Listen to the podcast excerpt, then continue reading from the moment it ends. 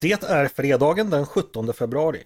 Jag heter Andreas Eriksson och du lyssnar på Ledarredaktionen, en podd från Svenska Dagbladet.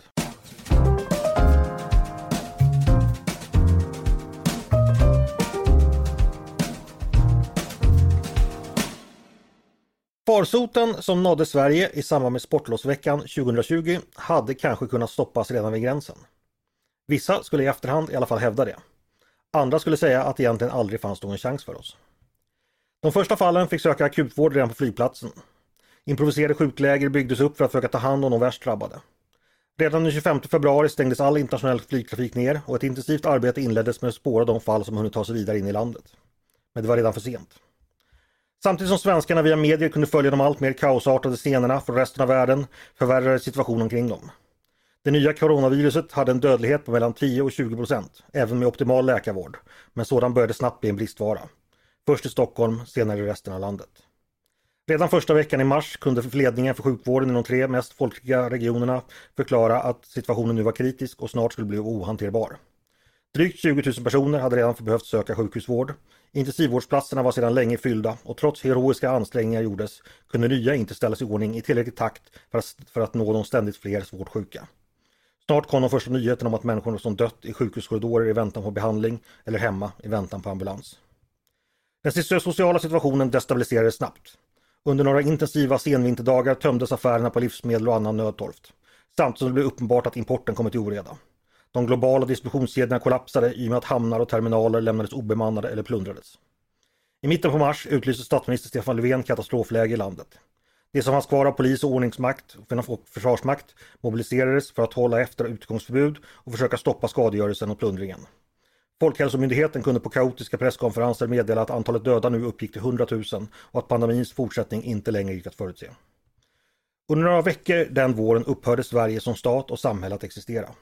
Ordningsmakt hade inte längre någon kontroll över situationen, vården hade brutit samman och övrig förvaltning gick på sparlåga. De som kunde hade flytt de kaotiska städerna. Statsledningen själv befann sig på hemlig ort utanför Stockholm. Vad som sjunde skedde under dessa veckor var en enda lång serie av mänsklig förtvivlan, lidande och desperation. Ingen som upplevde eller överlevde dessa dagar skulle någonsin kunna glömma dem. Glömma hur de fick se sina älskade långsamt kvävas döds i överbelamrade sjukläger eller i hus och lägenheter där renhållning, elektricitet och vatten inte längre fungerade. Se dem dö utan att kunna göra någonting. Inte skydda, inte trösta, inte hjälpa. När far, farsoten slutligen klingar av fram på våren fanns inte ett hus, inte ett hem, inte en familj som sparats eller undgått dess verkningar. Barn sörjde sina föräldrar, föräldrar sörjde sina barn. Sjukdom och död hade skilt makar, släktingar och vänner från varandra. Massgravarna gapade som öppna sår i landskapet. Runt om i Europa var scenerna de samma. I pandemins spår följde hungersnöd och kaos. Bara långsamt kunde stat och myndighet återvinna kontrollen. Vissa landsdelar hade lagts öde eller efter särskilt svåra utbrott och efterföljande massflykt. Det beräknas att över en miljon människor avlidit bara i Sverige. I världen kunde offren räknas i hundratals miljoner. Nu så här tre år efter skräckens vårmånader är landet och världen fortfarande en skugga av vad den en gång var. Det finns länder och världsdelar där kaos och krig fortfarande härskar. Styren och samhällsordningar har fallit. Våldsamma sociala och politiska stormar har för alltid rivit upp den gamla kända världen och lämnar oss som överlevde, inte bara med sorgen över alla de som vi mist, utan också med ovissheten inför en framtid som inte ter sig mer säker. Våren 2020 bröts udden av den mänskliga civilisationen och det kommer dröja många år, kanske generationer, innan vi åter kommer kunna se framåt igen med hopp och tillförsikt. Nej, så här gick det förstås inte, det vet vi. Inte alls. Vår tids stora farsot kom, den orsakade lidande, död och sorg besparade oss inte. Det gjordes misstag och vi blev oeniga. Men världen gick inte under. Inget gick under. Samhällen höll samman. Familjer, vänskapsband, organisationer, marknader och nätverk höll samman. Löften hölls. Människor och mänsklighet höll ihop. Låt vara att en sjukdom som drabbade oss var långt mindre farlig än den i min dystopi ovan. Men det är viktigt att komma ihåg att saker och ting inte var givna bara för det. Mycket hade kunnat gå fel, både i Sverige och i världen. Vi hade kunnat fly. Vi hade kunnat välja att vända oss inåt. Tänka att nu är det var och en för sig själv. Men tillräckligt många tänkte tvärtom. Vi fortsatte som tidigare. Vi höll lugnet. Vi behöll tilltron till det vi tidigare förlitat oss på. Den världsordning som så många förtalat och föraktat bestod provet. Kanske borde vi oftare påminna oss om detta. Och känna en smula tacksamhet och faktiskt även stolthet. Vi bestod just det här provet. Vi vet inte vad som väntar framöver. Kanske, och till och med sannolikt, väntar än svårare prov på oss. Men det hindrar inte att vi ändå kan känna ett visst hopp över det som varit och över vad som har hänt de tre senaste åren. Det är ändå fram tills idag får betraktas som vår tids stora utmaning. Den kommer blott en gång per generation om man har tur. Den kom och den gick. Kanske väntar en större utmaningar runt hörnet, kanske inte. Men pandemin, den kom och gick. Och vi står kvar. Vi lever vidare. Och vi gjorde det tillsammans. Hej, jag Ryan Reynolds. Recently, I asked Mint Mobiles legal team if big wireless companies are allowed to raise prices due to inflation. They said yes. And then when I asked if raising prices technically violates those onerous two-year contracts, they said, what the f*** are you talking about, you insane Hollywood ass?" So to recap, we're cutting the price of Mint Unlimited from $30 a month to just $15 a month. Give it a try at mintmobile.com slash switch. $45 up front for three months plus taxes and fees. Promo rate for new customers for limited time. Unlimited more than 40 gigabytes per month. Slows. Full terms at mintmobile.com. Några som också är tillsammans, det är mina kollegor på ledarredaktionen. Ni vet den där stolta trion som jag alltid brukar dra fram när vi kommit ungefär så här långt in i podden. Det ska jag förstås göra även idag. Idag heter de Peter Wennblad, Mattias Svensson och Tove Livendal. Varmt välkomna! Hej Orson Welles! Orson Welles? Varför, va? Vad var de Det detta? var väl han som pratade om rymdinvasion så att folk trodde på det. Ja, ja, ja, den här berömda sändningen. Fast det där var ju egentligen eh, väldigt överdrivet. Det var ju väldigt, väldigt få tecken på att det verkligen var en masshysteri som upp, uppstod den här dagen 1938. Men det är en kul story. Visst är det. Eh, hur mår du Mattias? Eh, ja, det, jag mår rätt bra. Vad roligt. Eh, några nya medieframträdanden i veckan att rapportera? Eh, har det varit det? Inte, nej det tror jag inte. Det, Nej, vi ska på bara påminna fredagar lyssnarna så ha- har man inte riktigt koll. Ja, men vi ska bara Jo, påminna men du lyssnarna har ju Mattias varit med i en annan ett- podd, Mattias. Ja, Ja, det det har har, ja, ja, det har jag. Just det. Eh, Ideologipodden där eh, våra vänner på Timbro förlag som eh, eh, pratat om eh, vad som är fel med Blekinge. Det är ju en blinkning till den här What's the matter with Kansas som, som präglat amerikansk diskussion med jämna mellanrum. Det växer inte och de röstar fel givet demografin, tycker vänstern och sånt där. Eh, Vad, vad, vad kom ni fram till då? Vad, vad, vad är det som är fel på Blekinge? Eh, ja, det är väl det är väl allt från attityder till kommunikationer skulle man kunna säga. Men, men eh, det, Säg som det är, det är ålen. Det är ålen som är problemet. Ja, eh, ålfisket är ju annars bra. Det har vi ju exempel på. Eh, PM var med i podden för övrigt. Ja. Jag ska säga det till lyssnarna Mattias, det är ju tredje veckan på raken då du har spännande medieframträdanden. Jag och Mattias fick ju på örat ordentligt i, i landskampen i radio för två veckor sedan och för en vecka sedan så var Mattias ett ämne i Alla mot alla. Och nu är det alltså som Blekinge-expert du kommer fram. Ständigt eh, nya sidor visar du Mattias. Jag, jag, jag har hört att Mattias är gästartist i kvällens final i På spåret. Också. Det har jag också hört. Eller nej, det har jag, det har jag inte hört. Det låter jättespännande. Vad roligt. Eh, Ja, Peter, hur är det med, dig på din kant? Ja, peppen inför På spåret-finalen är ju fullständig. Jag förstår det. Eh, Vem håller du på? Ja, det är mycket bra. Jag tror att jag håller på eh, uppstickarna, men jag tror de får svårt. Ja, okej. Tove, hur är det på din front? Tack, det är bra. Men jag blev lite tagen av inledningen som du höll här och eh, alldeles i rummet där jag sitter och poddar på, här på redaktionen så finns det ett skåp där det sitter ett fotografi på SvD-fotografen Thomas Oneborg och så står det vi saknar dig Jonis för han var ju en av dem som strök med väldigt tidigt i pandemin och eh, på ett sätt som gör att det känns som att vi, vi var för sena på att reagera och det är ju en jättesvår läxa som jag hoppas att vi lär oss någonting av inför nästa utmaning. För det kommer att komma andra utmaningar. Men det var många som betalade ett väldigt högt pris för senvärdigheten i pandemin för tre år sedan. Okej. Så du håller inte riktigt med i min slutsats att ändå världen, Sverige och världen klarade av det här, bestod det här provet? Eh, det beror ju på naturligtvis på vilken bog man lägger det. Det blev inte så som du beskrev det, men det hade kunnat gå ännu bättre jag tycker inte man kan... Eh, det tycker jag är en skyldighet mot alla de som inte finns kvar och som hade kunnat finnas kvar. Att vi inte börjar säga att det där gick ju bra utan att eh, det, det, måste vara så att vi funderar på vad kan vi göra bättre en annan gång? Vad borde vi ha gjort på ett annat sätt? Det tycker jag är viktigt. Det tror jag också. Eh, och jag tror aldrig ett samhälle, jag tror aldrig vi kan räkna med att ett samhälle kommer agera optimalt alla gånger. Och jag tror alltid det finns eh, saker. Men jag är i alla fall väldigt glad. Jag gillar den där ansatsen som när Moderaterna skrev sitt idéprogram så det blev ju diskussion och reservation om det där med att vara ett lärande samhälle. Jag tyckte att det var en jättebra skrivning därför att det den inställning som jag tror man ska ha, att det är en kontinuerlig lärprocess och eh, vi kan ständigt förbättra oss. Det, den inställningen gör då att man måste tona ner det där med prestigedelen i att vi gjorde minsann rätt. Eh, så att, eh, och där finns det också en del för Sverige att lära. Mm. Det finns det absolut. Eh, vi kan diskutera, vi kanske ska ta en podd framöver och diskutera pandemins eh, slut, eh, slutomdöme. För det bör man ju kunna göra snart nu. Det, det, det sa ju till och med många våren 2020 att det är om först om några år vi kan, vi kan utvärdera. Eh, och se vad vi kan lära oss framöver. Eh, hörni, jag tänkte vi skulle dra igång med veckans ämnen, ty de är som alltid otaligt många och enormt vidsträckta. Är ni, känner ni er redo för det? Oh ja. Ja. Ja då.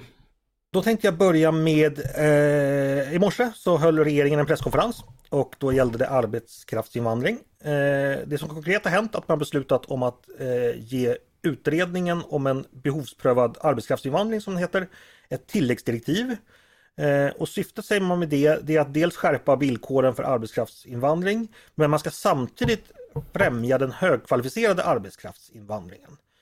Eh, skärpningen av arbetskraftsinvandringen har varit på väg, på väg ett eh, tag. Eh, det har redan skett skärpningar och både den förra och den nuvarande regeringen har då aviserat att det ska ske fortsatta.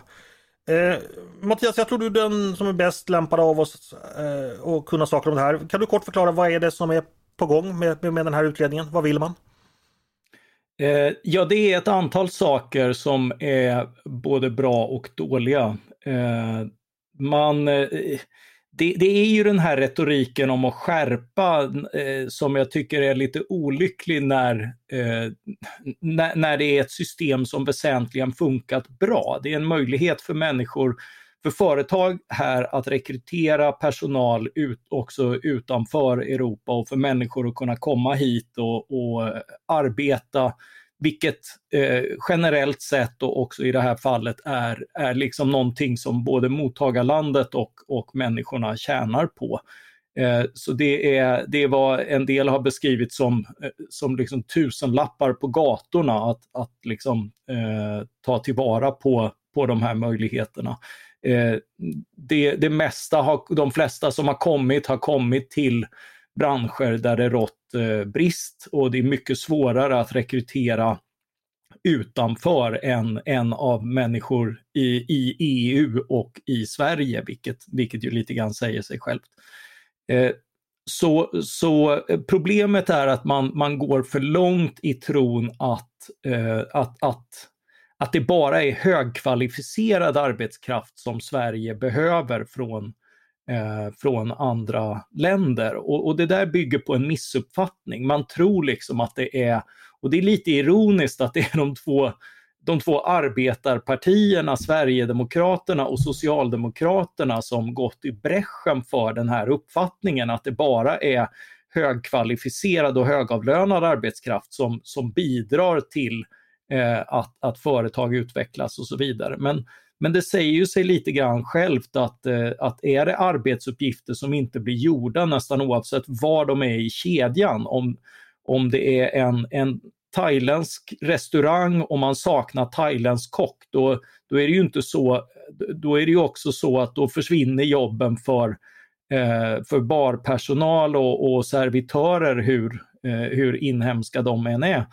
Eh, och Eh, på samma sätt om, eh, om man inte kan, vilket vi fick problem med under pandemin, plantera ut eh, skog. De här plant plantorna har liksom ett möjlighetsfönster under sommaren och behöver planteras. Då har vi ju följdeffekter som slår mot stora delar av, av, av den skogsberoende industrin, inte imorgon men, mm. men på sikt. Okej, okay. jag ska bara säga det att det är ju så, som du säger att Om man läser då tilläggsdirektivet står det ju väldigt tydligt att det är just lågutbildad arbetskraft man vill, ha, man vill rikta in sig på. Så här skriver man. Sverige är i första hand behov av kvalificerad och högkvalificerad arbetskraft men har trots det en omfattande arbetskraftsinvandring till yrken där kraven på utbildning och yrkeserfarenhet är låga samt i yrken där lönerna är låga. I många fall handlar det om arbeten som bör kunna utföras av personer som redan bor i Sverige. Det förekommer också omfattande problem med missbruk, ja, bla bla bla. Eh, Ett krav på högre lönenivå kan minska arbetskraftsinvandringen inom lågkvalificerade yrken. Det skriver man ju rakt ut. Har man en poäng här att vi har massa arbetslösa i Sverige som egentligen borde plantera de här äh, tallplantorna istället för att mm, folk ska resa över hela världen för att göra det? Jag, jag, tycker att det här demonstrerar lite grann problemen med den synen. Eh, det, det, är sådana där resonemang som är, som är enkelt, logiskt och fel. Eh, därför att det, det inser man ju själv också, du blir ju eh, väldigt bofast. De flesta av oss skulle ha svårt att ta ett jobb ute i skogen för, för vi bor inte i närheten. Vi, vi kanske har barn och familj eh, och, eh, och liknande som gör att, att vi inte är lika mobila. Den som, den som väl har brutit upp för att flytta till ett annat land är ju å andra sidan väldigt mobil med var de kan bo och hur mycket de kan jobba och så vidare. Så just den här typen av specialiserade arbeten, eh, de kräver ju också, även, även om det är liksom jobb som inte är Eh, är över medianen i lön så är det ju specialiserade jobb som du behöver ha förkunskaper för att kunna utföra. Men det är också rent praktiskt så att bor du i en svensk eh, förort till en storstad så har du väldigt, och, och har ett fungerande liv där så har du väldigt svårt att, att vara tillgänglig för, för den här typen av, eh, av jobb. Och det är också väldigt svårt att motivera att du ska, att, att du ska att, att flytta och utbilda någon är, är liksom en, en större kostnad än, mm. än det är värt så att säga. Så, Inte så många granplanteringar på, på Järvafältet. Nej, eh. och, och, eh, och, och det där gör ju att, att resonemanget är lite fel, men det finns ju poänger. Eh, mm. det, det, har, det finns de som fuskar.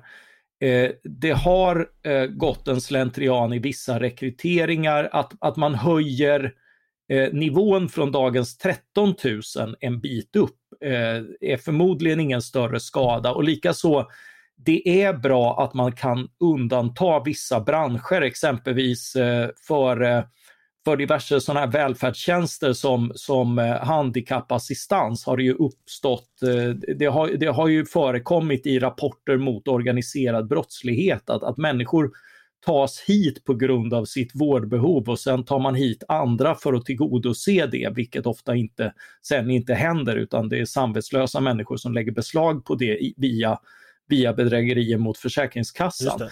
Så, så är det branscher som är utsatta för omfattande fusk så är det klart att då, eh, då är det bättre att säga att nej, till de branscherna ska vi inte ha någon, någon utanför Europa-rekrytering. För, det, för det, tjänar, det tjänar ju varken människorna som exploateras eller, eller eh, vi som samhälle på. Det är motsatsen till, till den fungerande arbetskraftsinvandring vi vill ha. Du nämnde det här med lönegränser. Eh, den är ju som du säger då 13 eh, 000 nu. Det talas ju att de ska höjas. Det har ju nämnts att den ska upp till medianlön i Sverige vilket i så fall är rejäl höjning upp till 33 000 vilket många då säger är alldeles för högt. Vad, vad, vad, tycker du om att man ska landa och vart tror du man är på väg där Mattias? Eller vet, eh, vet vi var man landar?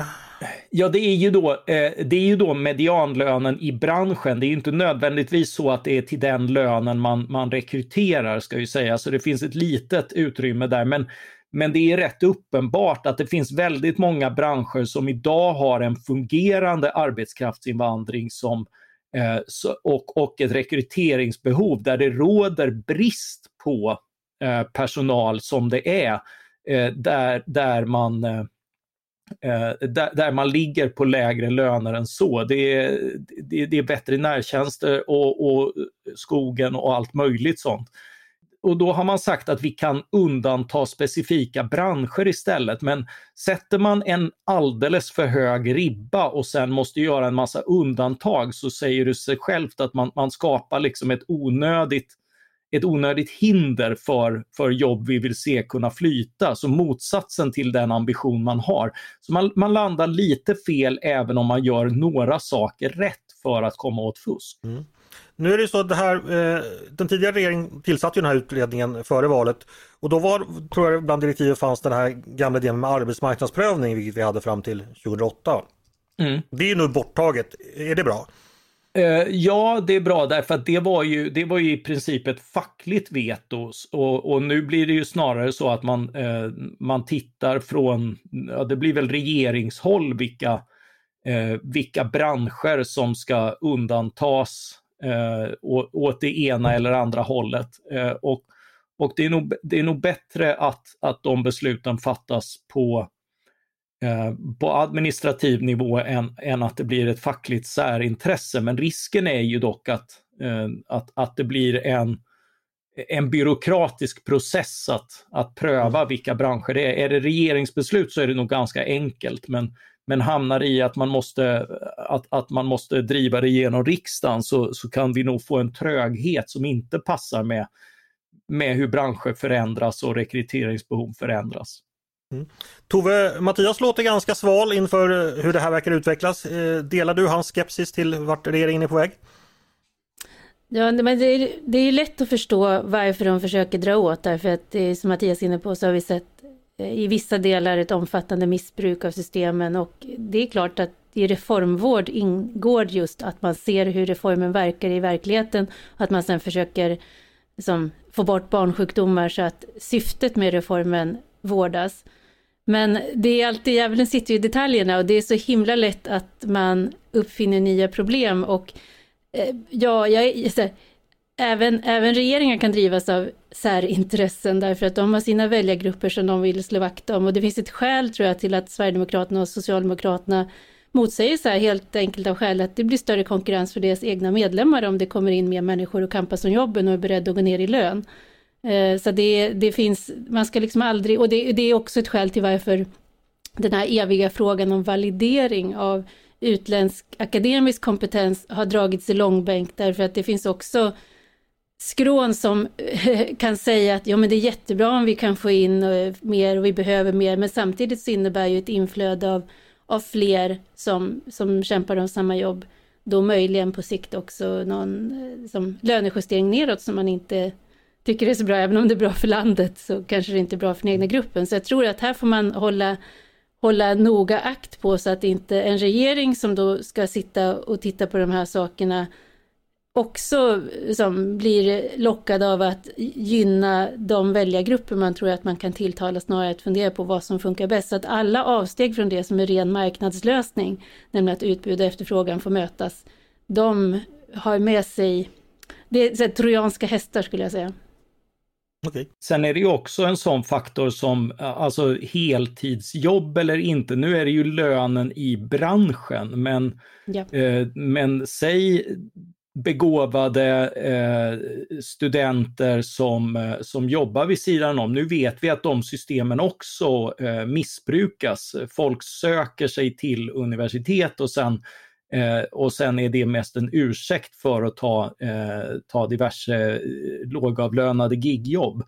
Eh, så eh, så det, fin det finns eh, fusk där också att komma åt, men, men risken är ju då att man slår mot den som jobbar mindre än heltid, därmed inte tjänar enligt normen och, eh, och eh, där, kanske för att man lär sig språket vid sidan om eller säga att man jobbar 80% och lär sig språket eller, eller att man studerar och liknande. Och eh, eh, den, den typen av, av krångel, en, en möjlighet är ju då att, att man genom att undanta branscher kan, kan slippa den typen av kontroll. För där har vi ju utvisat en hel del bevisligen mycket kompetenta och lovande personer.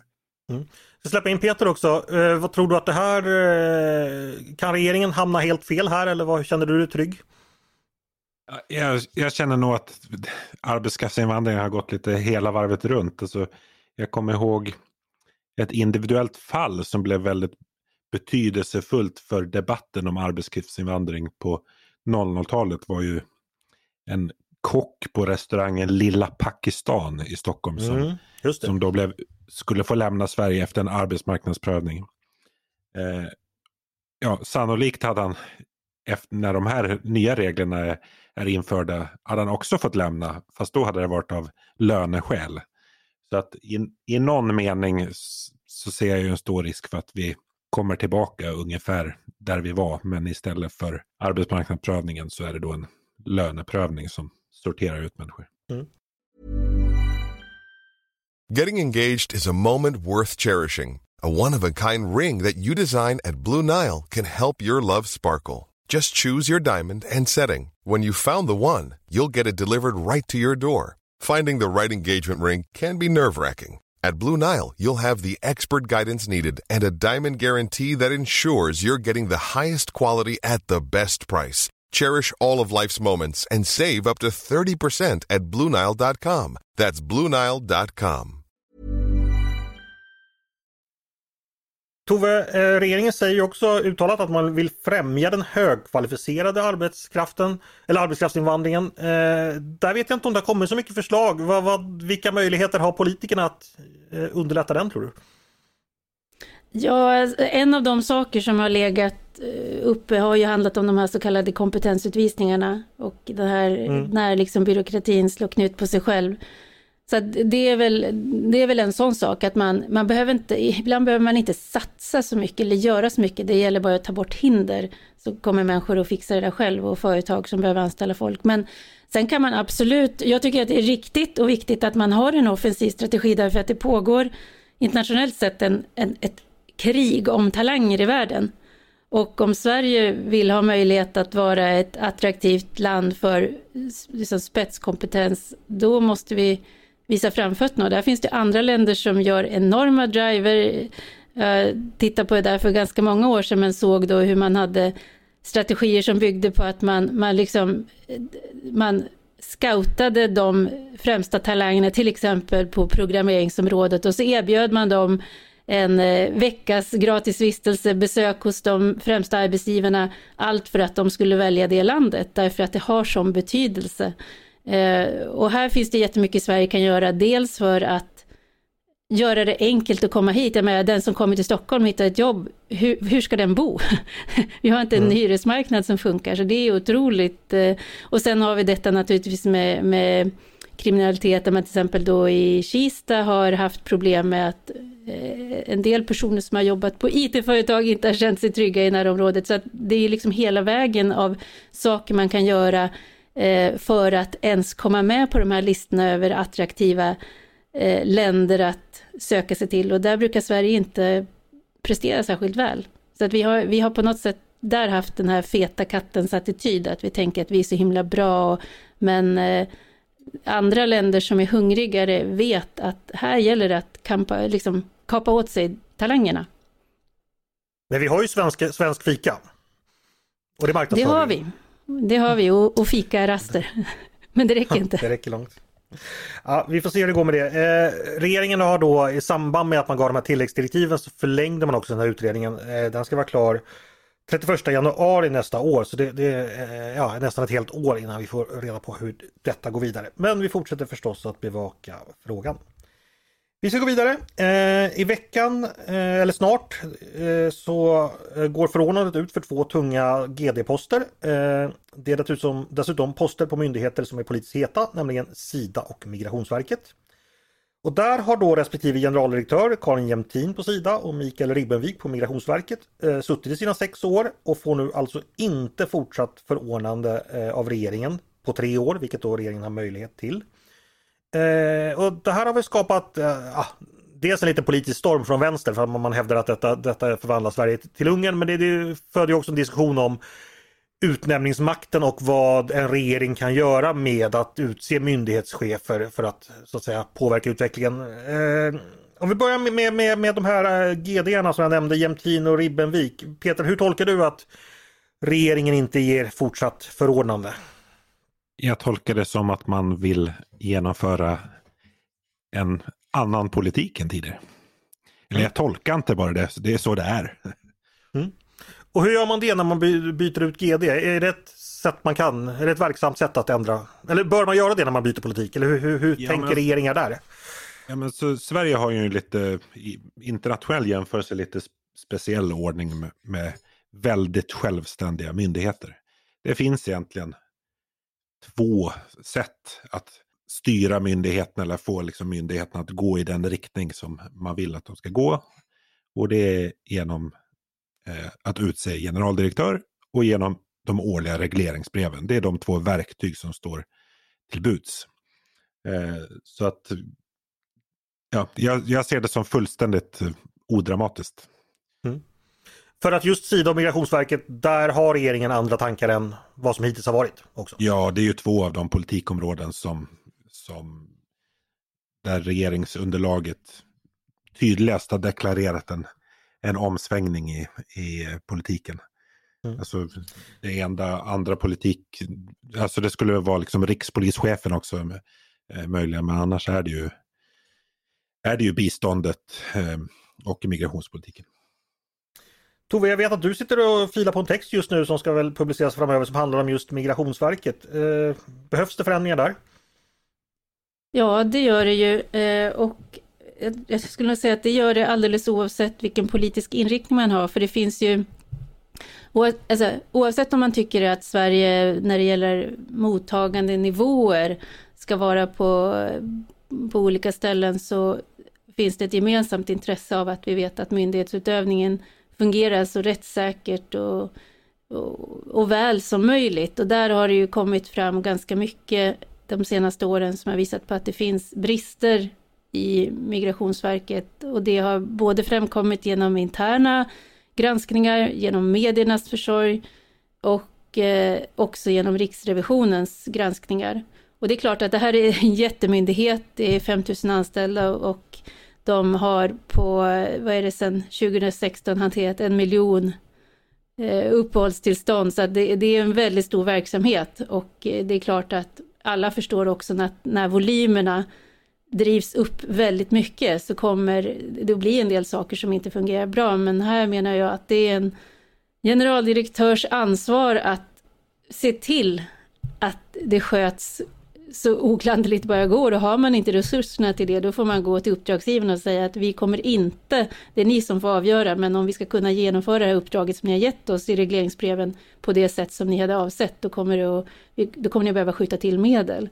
Så det, och här finns det ju flera saker då som eh, alltså, Dels handlar det om rättssäkerheten, att man då enligt det här reportaget i Fokus som har blivit uppmärksammat eh, och som både bygger på den här interna granskningen som gjorts men också ifrån källor som är tidigare beslutsfattare så har det ju, när det kom också så väldigt många så har det inte hanterats det här med att fastställa identitet på ett tydligt sätt. Och där är ju en en av de saker som den här regeringen har varit jättenoga med, att det måste vara ordning och reda med systemet. Vi måste veta vilka som kommer hit och i vilket syfte. Och det tror jag nog man kan hitta en ganska stor allmän acceptans för. Men sen fanns det också en fråga som kändes rätt allvarsam och som den fristående debattören eh, Merit Wager, hon har också skrivit på ledarsidan, hon eh, tog upp för bara ett par år sedan, jag tror att det var i i februari 2021 så kontaktade hon Migrationsverket för att fråga om reglerna för personer som sitter på verket och fattar beslut om medborgarskap och uppehållstillstånd. Och i vilken mån man säkerhetsklassar dem, därför att det är stora beslut.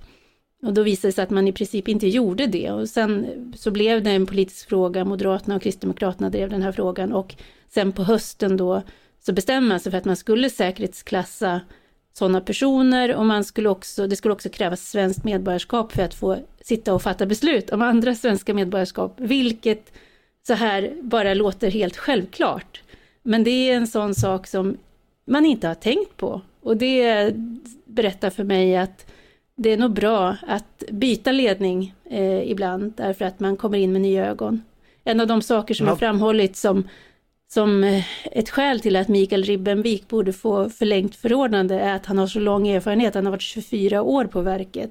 Jag tror att det är någonting som man kan se på två sätt. Man kan se det som en tillgång, men det kan också vara en svårighet att titta på saker med nya ögon om man har varit en del av ett system i nästan ett kvartssekel.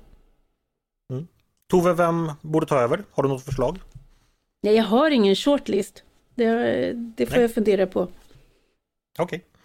Men jag tänkte eh, fråga också lite om det här med, med utnämningsmakten generellt, för den diskuteras ju ofta och vilken grad eh, regeringen politiserat den. Eh, kan jag att Timbro, de skrev en rapport eh, om detta förra året. Då kollade man alla utnämningar mellan 2014 och 2020. Eh, det var 173 stycken myndighetschefsutnämningar. I drygt tre fjärdedelar av fallen då hade de nya myndighetscheferna ingen partipolitisk bakgrund. Men i de 40 fall av då 173 som de hade det så var 22 stycken eh, socialdemokrater.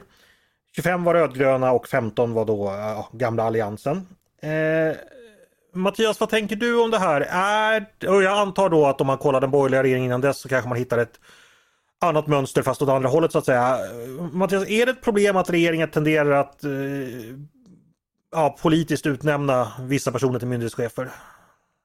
Ja, alltså, eh, och, och, det ska ju sägas, alltså Adam Danieli som gjorde den här utredningen, han pekade ju också på det att även under den föregående alliansregeringen så fanns det en, eh, en eh, överrekrytering av socialdemokrater. Den var inte lika markant som när Socialdemokraterna har skött det här, men det, Eh, det, alliansen var ju liksom en, en anpassning till, en, en triangulering inför mycket av, av socialdemokratin och korporativismen. Så, eh, och, och, så även i sina utnämningar. Eh, att, att det inte bara handlade om kompetens kan ju Dan Eliasson som re, rekryterades två gånger av alliansregeringen kanske, kanske illustrera. Eh, men eh, eh, det här är ju definitivt en fråga där eh, Eh, där, där den, den, här nya regeringen prövas. Eh, och, och, och, då är ju frågan, och det, det, får man ju se, man kan ju göra rätt och fel och så vidare, men det är två principer som står mot varandra. Är, är det den egna lojaliteten? Ska man vara ett borgerligt S och, och liksom eh, gynna sina egna politruker nu? Eller eh, ska man vara ett, ett alternativ i den borgerliga andan och se till kompetens och meriter och, och en välskött statsapparat i fortsättningen. Eh, och, och, det, är förstås, det är förstås svårt och, och, och, det ena är mycket lättare att mäta än det andra. Det är lättare att titta på partibok än på, eh, än på kompetenskriterier. Eh, men, men vill, vill man göra skillnad så är det här en möjlighet man har därför att det är rätt uppenbart från mönstret att att socialdemokratin eh, har i stor utsträckning använt myndigheter som, eh, som avskälpningsplats för, för de sina. Rekryteringen av Jämtin där man liksom lät eh, Sida stå utan generaldirektör väldigt länge tills det passade eh, och, och tillsätta en partikamrat är, är ju liksom en, eh, en, en, närmast övertydlig illustration av det. Och, eh, och det vill jag verkligen inte se att, att borgerligheten blir något någon spegelbild av det, utan jag är ju definitivt på, på kompetens och meritokratilinjen. Men, men här måste jag, jag måste protestera lite. Jag har alltid haft lite svårt att förstå den där eh, kritiken mot den så kallade sossestaten eller när det gäller utnämningar av, av ämbetsmän. Alltså eftersom myndigheternas uppdrag, en viktig del av myndigheternas uppdrag är att implementera politisk förändring. Och att regeringen har ganska få verktyg för att styra sina myndigheter.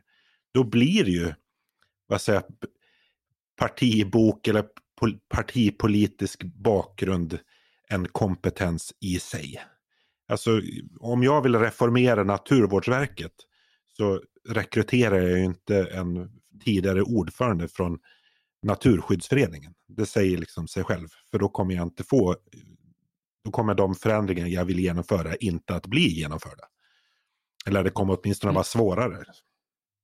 Du, du har ju en poäng och det, det, det är ju det som gör att det blir svårt. Alltså var, varje, varje rekrytering av liksom partivänner kommer att ses som en partiväns eh, eh, rekrytering snarare än en kompetensrekrytering. Men det kan ju faktiskt vara både och och, och liksom ett, ett eh, som, som, du säger, ibland handlar, inte sällan handlar kompetensen om att kunna förverkliga en, en politisk ambition. Men så, jag tycker också man kan jämföra med den kommunala nivån. Alltså, vi har ju sett de senaste 20 åren så har ju den genomsnittliga eh, tjänsteperioden för Sveriges kommunchefer sjunkit drastiskt och det är i och för sig på sätt och vis ett problem. Men, men på kommunal nivå finns det ju en, en helt annan vana med att byta ut folk. Alltså där, det behövs inte liksom några formella skäl för att, för att byta kommunchef utan det räcker med att säga jag har inte förtroende för den här personen. Så är det slut. Liksom. Eh, så jag tycker inte man ska jag vill inte dramatisera innebör, innebörden av att byta ledande ämbetsmän.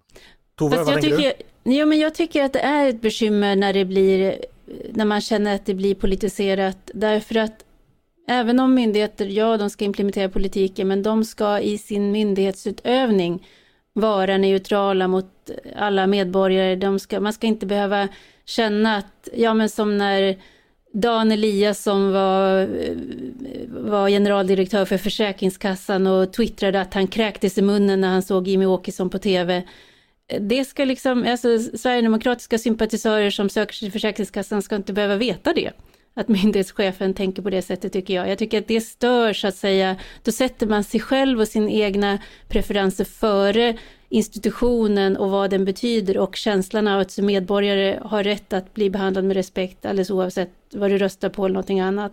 Och det blir också, eh, så att, eh, jag menar, är du på, på Migrationsverket Eh, i de här väldigt alldeles livsavgörande besluten så du, du vill ju känna att det går rätt till och sen är det klart att du har ju, vi har ju också i det här, när vi också har en så stark och skarp diskussion om migrationen och vi har skött den på ett sätt som gör att jag med beklagan kan se att vi får en mindre liberal inställning till det på grund av hur vi hanterat det rent praktiskt.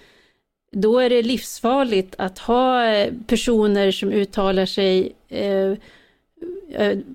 ja, som, som, som, uttrycker politiska åsikter. Eh, därför att då får du hela den här diskussionen som också Sverigedemokraterna profiterat på att man upplever att det finns en aktivism liksom i myndighetsutövningen. Så jag tycker att det här är, det är jag föredrar de här svala, korrekta... Ja, nej, men där, där, eh, där, är vi ju helt överens. Vi ska inte ha aktivistiska generaldirektörer eller politiska opinionsbildare. Vi ska inte ens ha, vi ska inte ha opinionsbildande myndigheter.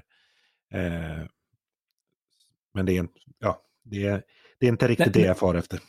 Nej, det finns ju personer som bär ett ämbete eller ett uppdrag på ett sätt som, eh, som, som är större än den partibakgrund man har. Eh, Andreas Norlén som talman kommer osökt eh, till, tillhanda. Eh, jag tänker, eh, jag, nu har han väl mest haft myndighetsuppdrag, med, jag vet inte om han var talman, eh, Björn von Sydow från Socialdemokraterna till exempel. Alltså det finns ju, en, det finns ju kompetens bland riksdagsledamöter och det vore ju eh, det vore ju skam om det inte fanns det och, och, och det vore tråkigt om den inte togs tillvara. Så, så på det sättet så det, det blir överlappande som Peter säger, men, men det, det gör det ju ännu viktigare att vara tydlig med, med liksom att ha en rekryteringspolicy utifrån, eh, utifrån leverans och, eh, och, och värdighet i uppdraget och inte i eh, gynna partiet. Mm. Och så ska vi väl ha i minnet också det här från, eh, som från Timbros rapport då att de allra, allra flesta har ju ingen partipolitisk bakgrund utan eh, nästan 80% är ju då icke-politiker. De tycker säkert, ja, säkert saker politiskt. Samtidigt men... så skedde de, eh, framförallt de socialdemokratiska rekryteringarna till de stora myndigheterna. Alla myndigheter är ju inte lika Nej, i, sitt, i sitt uppdrag och i sin storlek och de största tenderade socialdemokrater att hamna på. Men sen, sen så tror, tror jag att innerst inne tycker kanske Mikael Ribbenvik och Karin Jämtin att det är ganska skönt att bli att inte få förlängt. Alltså rent professionellt, oavsett om du är generaldirektör eller verkställande direktör i ett företag, att byta, att få en organisation att byta spår när du liksom har lett arbetet i en annan riktning, det är jättesvårt. Det är tungt. Liksom. Mm. Vi får se hur det går för dem. Vi kanske ta dem till podden och höra vad de själva säger något tillfälle. Eh, själva ska vi gå vidare eh, och tänkte att vi skulle prata lite Ukraina. Ulf Kristersson var ju i Kiev i veckan och besökte Zelensky.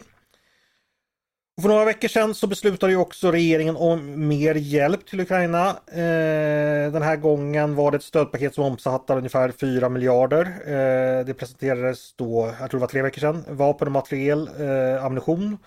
Bland annat förbereda för att föra över Archer, eh, det här potenta artilleripjäsen som vi har i Försvarsmakten. Eh, samtidigt så har vi då eh, en text som vi faktiskt håller på, den har väl inte publicerats riktigt än, men det är då en text av Mikael Ahlström som sätter det här lite i sitt perspektiv.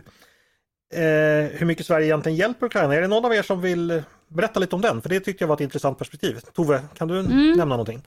Ja, absolut, eh, han tittar ju på, på hjälpen och så räknar han ut vad det blir per person eller han tittar på det också utifrån nettoförmögenhet och det är liksom då Sveriges totala tillgångar, både offentliga, institutionella och privata, minus de skulder vi har.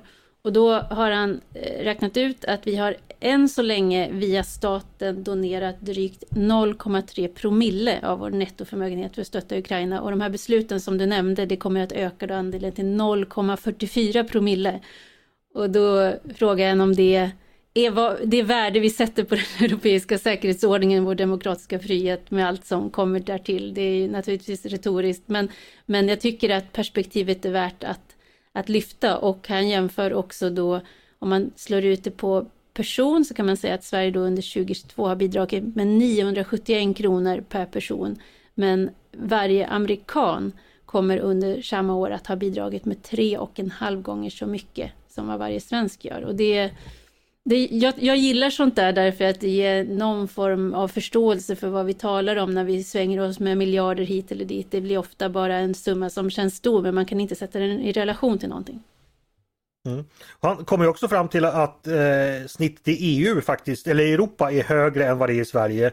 Att eh, den genomsnittliga europeen har eh, bidragit med 1167 kronor medan vi då bara 971, alltså 200 kronor mindre. Eh, nu för tiden ska de räkna sånt där i chipspåsar men, men det är ändå det, det är bra att sätta det i relation.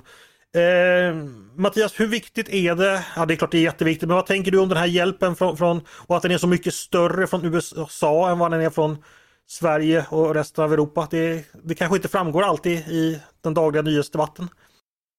Nej, eh, och, och, det ska ju eh, amerikanerna ha all heder för. Alltså de, de eh, är ju vana vid ett ledarskap på ett annat sätt och Europa är tyvärr vana vid att USA är bjussiga så fort det kommer till säkerhetspolitiska områden. Det, det blev ju palaver när, när Donald Trump var ofin nog att ta upp att eh, i, i NATO-sammanhang att det är ju vi som pröjsar kalaset och nu, nu, får ni, nu får ni chippa in lite grann. Där hade han ju alldeles rätt.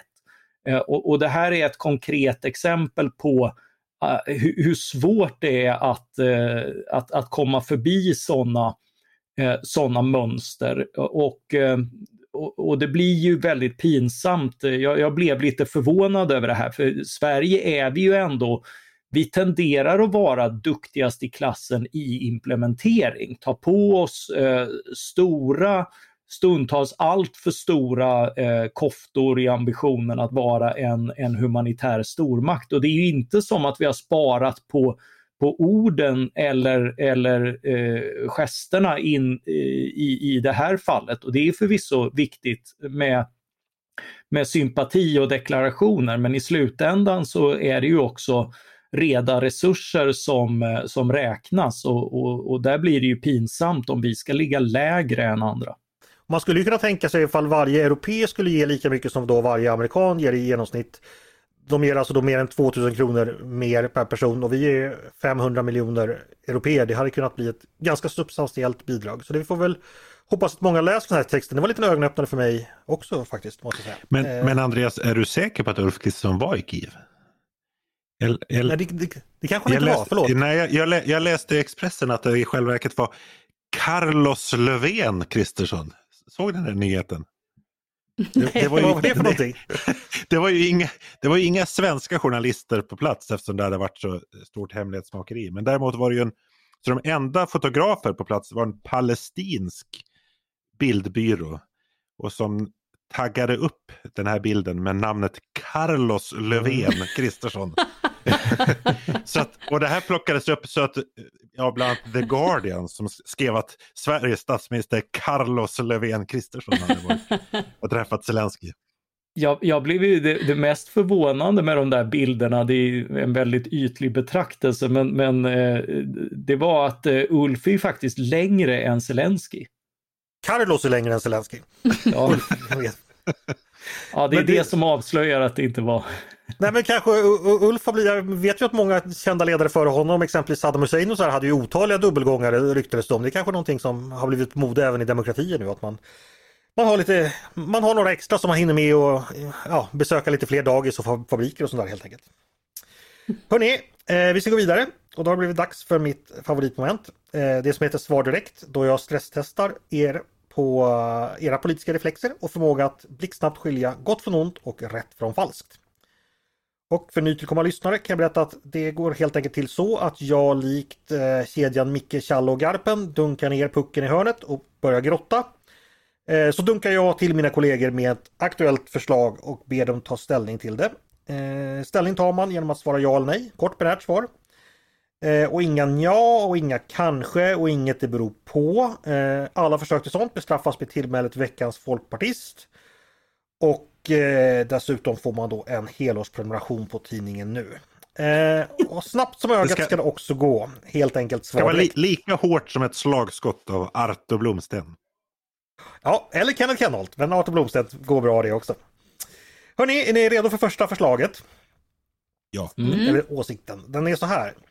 Föräldrabalken ska förändras. En utredning föreslår att orden mor och moderskap ska tas bort från den. Eh, detta oroar en rad kvinnoorganisationer som skriver på Svenska Dagbladets debattsida att inkludering av minoritet får inte ske på kvinnors bekostnad.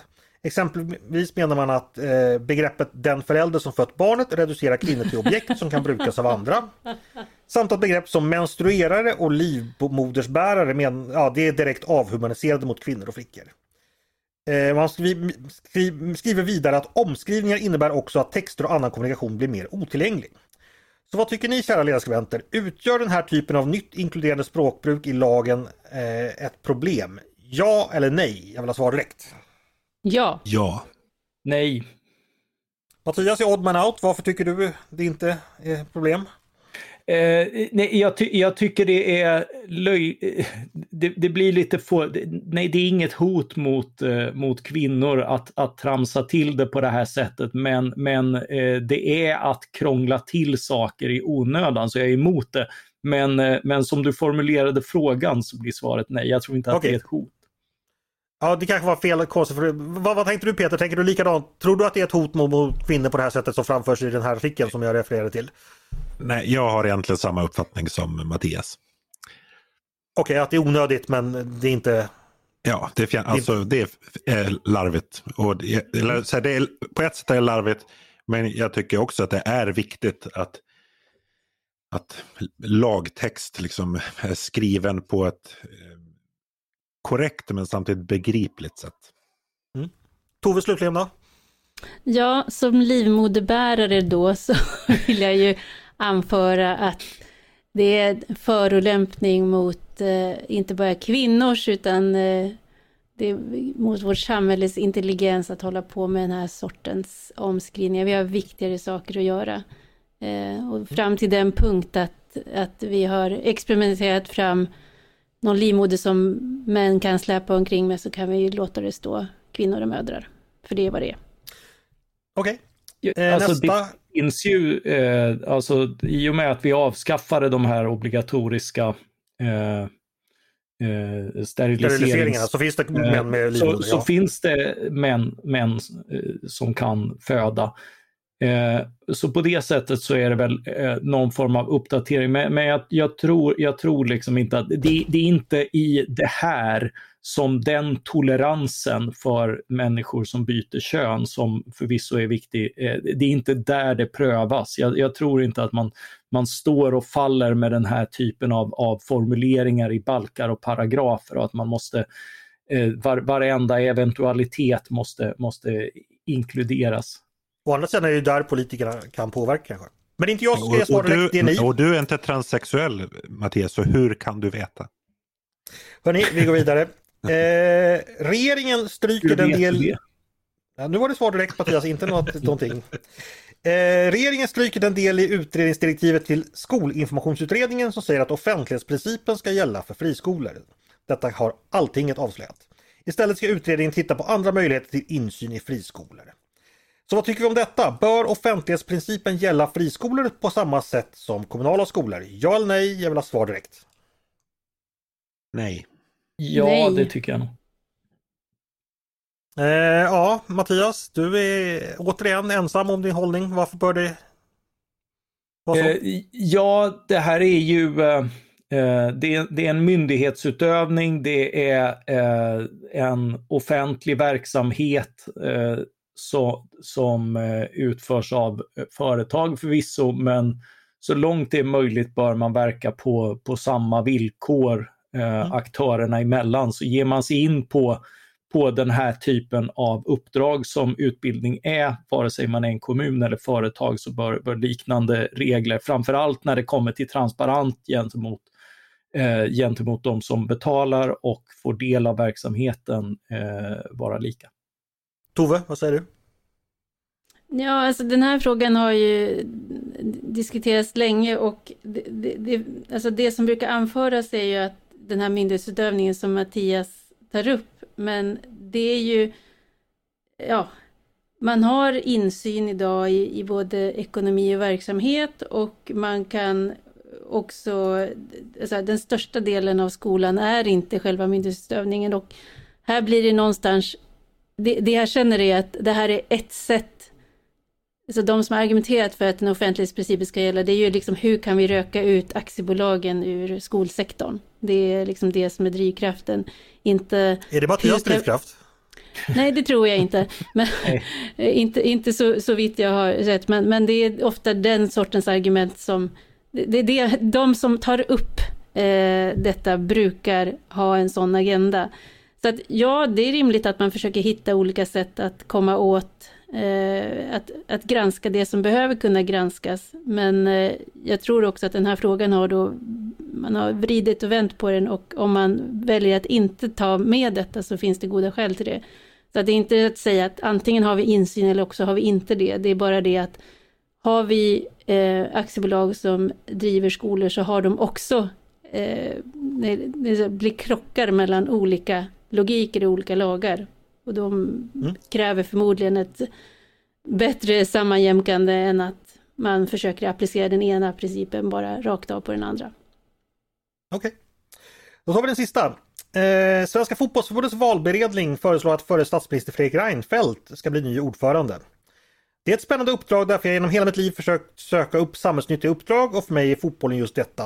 Det förenar samhällsnytta med glädje för väldigt många människor, säger kandidat Reinfeldt själv. Avgörandet fattas av förbundsmötet i mars. Vad tycker vi om detta? Är Fredrik Reinfeldt rätt man att leda svensk fotboll in i framtiden? Ja eller nej? Jag vill ha svar direkt. Nej. Ja. Ja. ja. Ja, jag säger ja.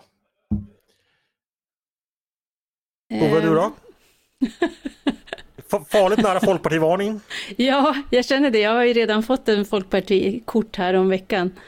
Eh, ja, men ja, varför inte säger jag då. Mm. Okej, eh, Mattias återigen, det är du som säger nej och du gjorde det tidigt. Vad, vad, vad, varför gick Det du är för igång att han håller på detta? fel Eh, lag.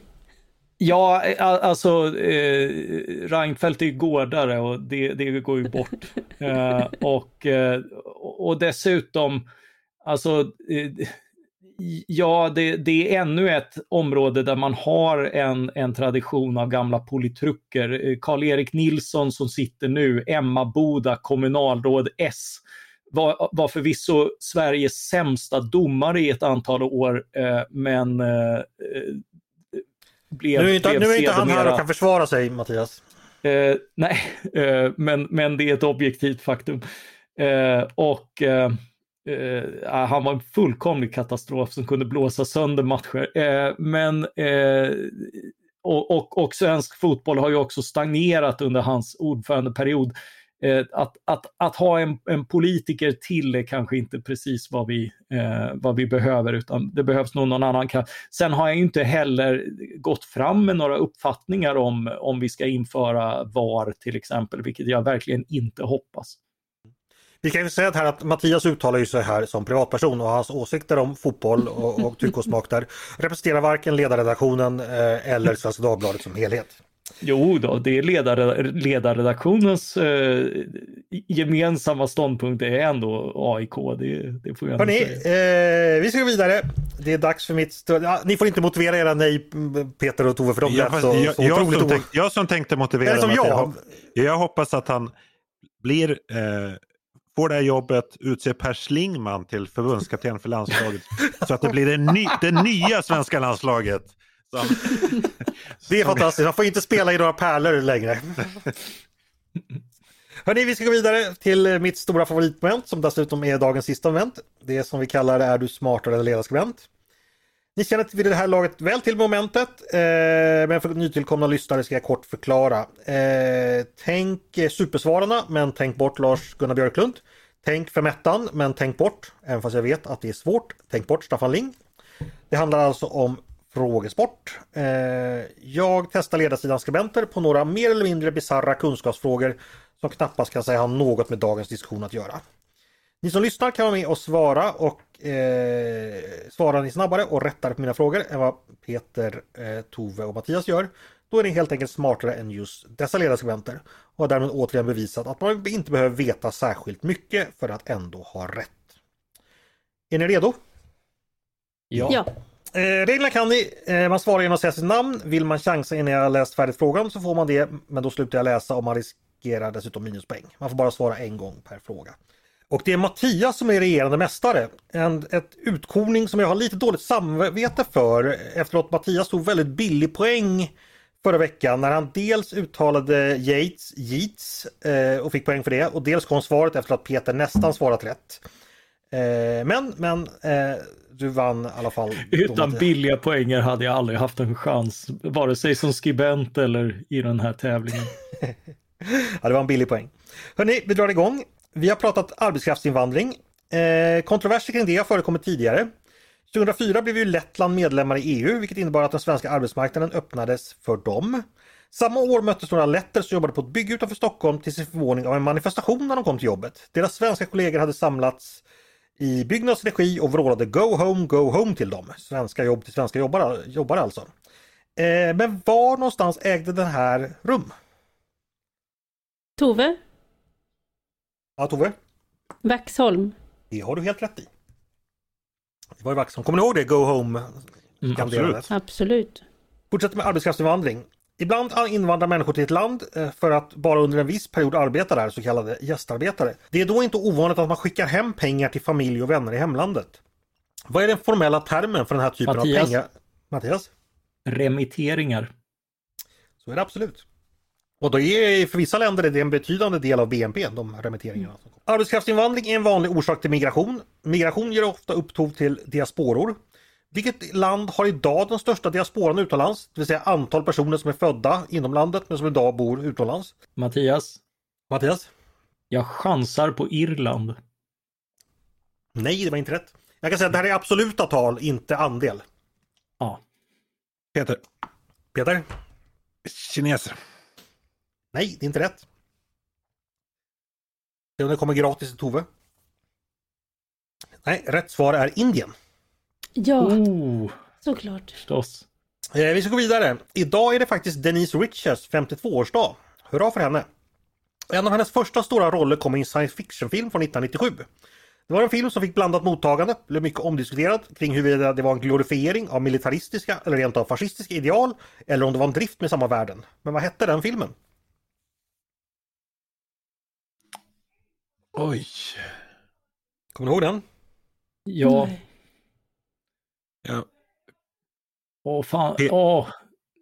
Man, Peter, man får alltså, inte poäng för författaren. Nej, Peter vad säger du? alltså, nu kan jag vara helt ute cykla, men det är Starship Troopers. Absolut, är det det. Vad heter författaren Mattias? Du får inga poäng. Du kan... Heinlein, precis. Eh, för det är faktiskt nästa fråga. För, för, förlagan till filmen är en bok skriven av Robert A. Heinlein. Eh, han skrev 1958 ett försvar för de amerikanska kärnvapentesterna. En essä som han namngav efter en amerikansk politiker, eh, vilken han också citerade. Den här politikern räknas som en av USAs founding fathers och har också gett namn åt det påhittade universitet som Ayn Rand låter sina huvudpersoner gå på i romanen Atlas Shrugged. Mattias. Mattias? Patrick Henry. Så är det. Fick du en billig till där Mattias? Ja. Ja, det var väldigt billigt. Vi ska gå vidare. Eh, från Dennis, Dennis Riches 52-årsdag till Bengt Sens 85-årsdag som också är idag. I vilken tv-film från 1971 medverkade han och Finn Zetterholm som trubadurer som, kom, eh, som kommenterade handlingen? Mattias. Mattias? Badjävlar. Det är helt rätt. Det kunde ni andra också va? Nej. Den, den finns på SVT Play. Den är, den är väl värd att se kan jag säga. Hörrni, vi är på väg... jag se om den. Eh, ja, men gör det. Eh, vi går in i fastlagen, de här tre festdagarna inför påskfastan. Eh, I det sista färdiginställda Tintin-äventyret som blev klart 1976 äger upplösningen runt under just eh, en eh, fastlagskarneval i Sydamerika. Eh, vad heter det äventyret? Mattias. Ja, Mattias? Är det Tintin hos gerillan? Ja, det är det. Amen. Jäkla Mattias. Ni, ni, ni, har, ju, ni har ju förmöten om de här. Eh, en Tintin-fråga till. Sverige förekommer bara en gång i Tintins äventyr. I vilket äventyr? I vilket album?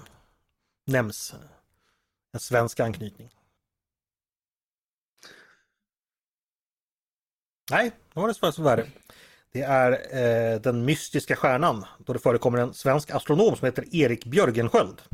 Det, är så att den är ju, det här äventyret är ju skapat under tysk ockupation av Belgien och när de ska då leta efter den här mystiska stjärnan så är det bara vetenskapsmän från eh, antingen axelmakterna eller, eller neutrala eh, länder som är, som är med. Fastlagen är ju festligheten före påskfastan. Hur många dagar varar påskfastan? Fastan?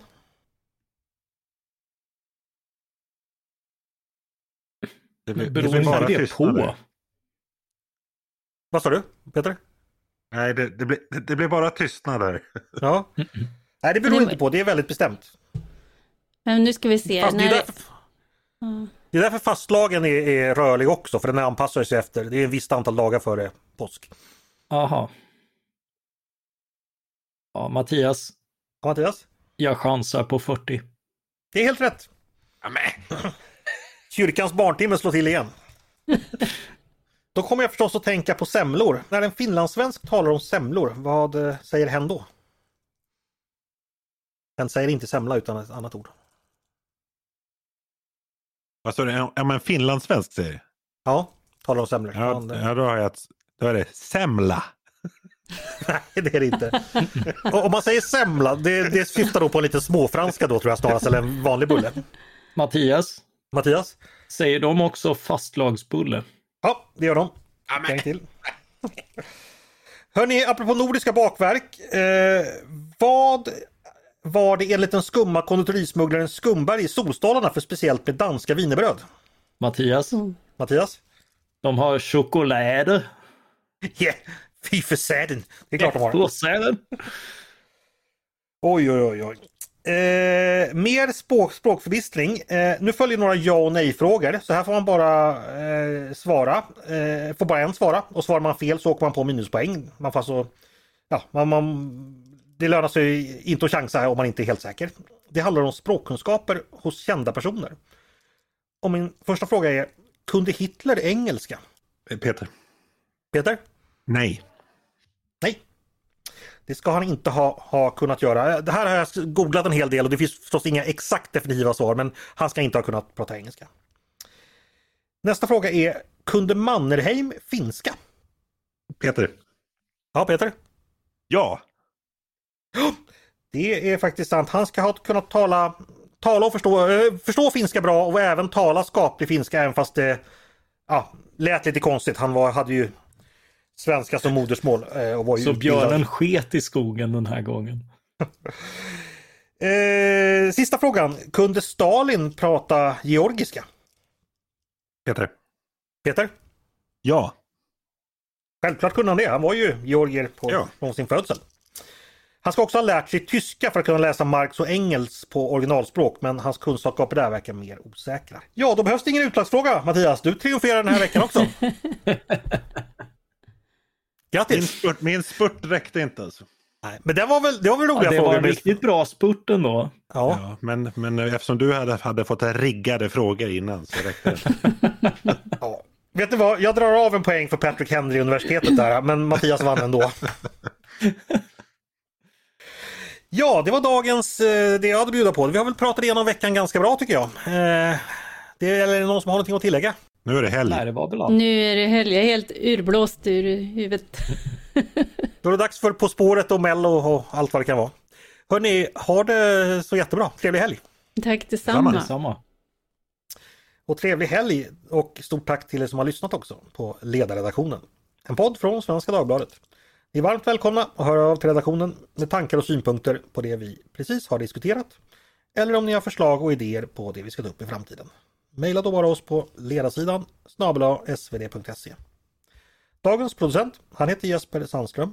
Själv heter jag Andreas Eriksson och jag hoppas att vi hörs igen snart.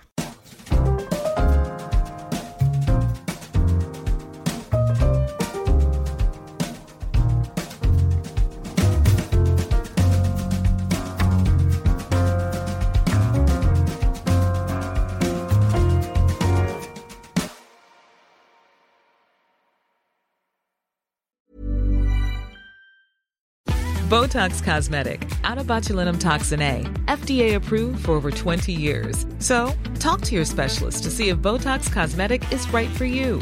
For full prescribing information, including boxed warning, visit BotoxCosmetic.com or call 877-351-0300. Remember to ask for Botox Cosmetic by name. To see for yourself and learn more, visit BotoxCosmetic.com. That's BotoxCosmetic.com.